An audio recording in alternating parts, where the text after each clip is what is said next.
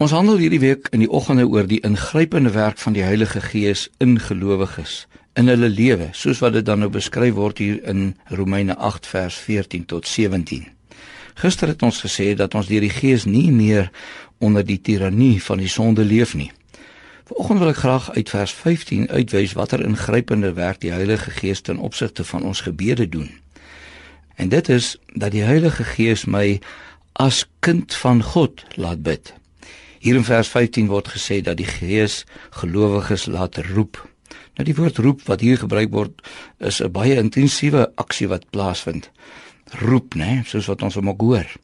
Wie onder leiding van die Heilige Gees bid, sê nie iets op of bid nie 'n rympie of bid gedagteloos nie.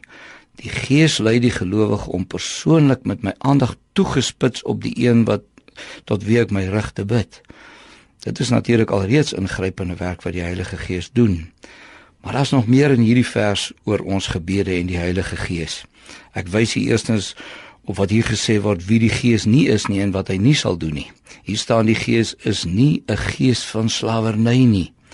Wanneer die Gees jou in gebed lei, kom jy nie voor God as 'n slaaf nie. Want jy sien 'n slaaf vrees, sê vers 16. Wie God werklik in sy heiligheid ken en jou eie sondigheid ken, sal natuurlik geneig wees om God te vrees. As die Gees jou egter in die gebed na God neem, dan is jou vrees vir God weg.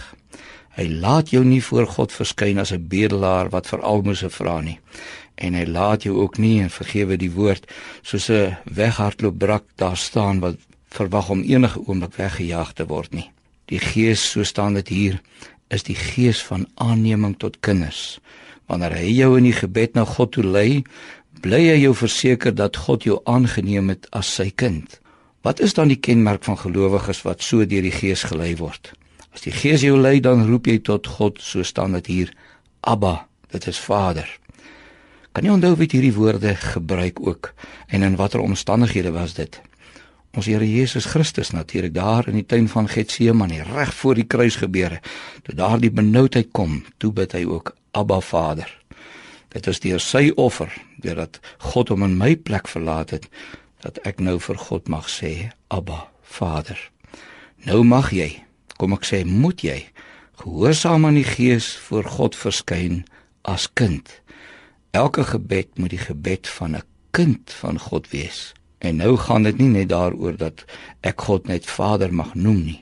My hele gebed moet in hierdie konteks van die Vader-kind verhouding staan. Abba Vader, dankie vir die vrymoedigheid wat U Gees my gee om U so persoonlik en intiem te mag ken. Amen.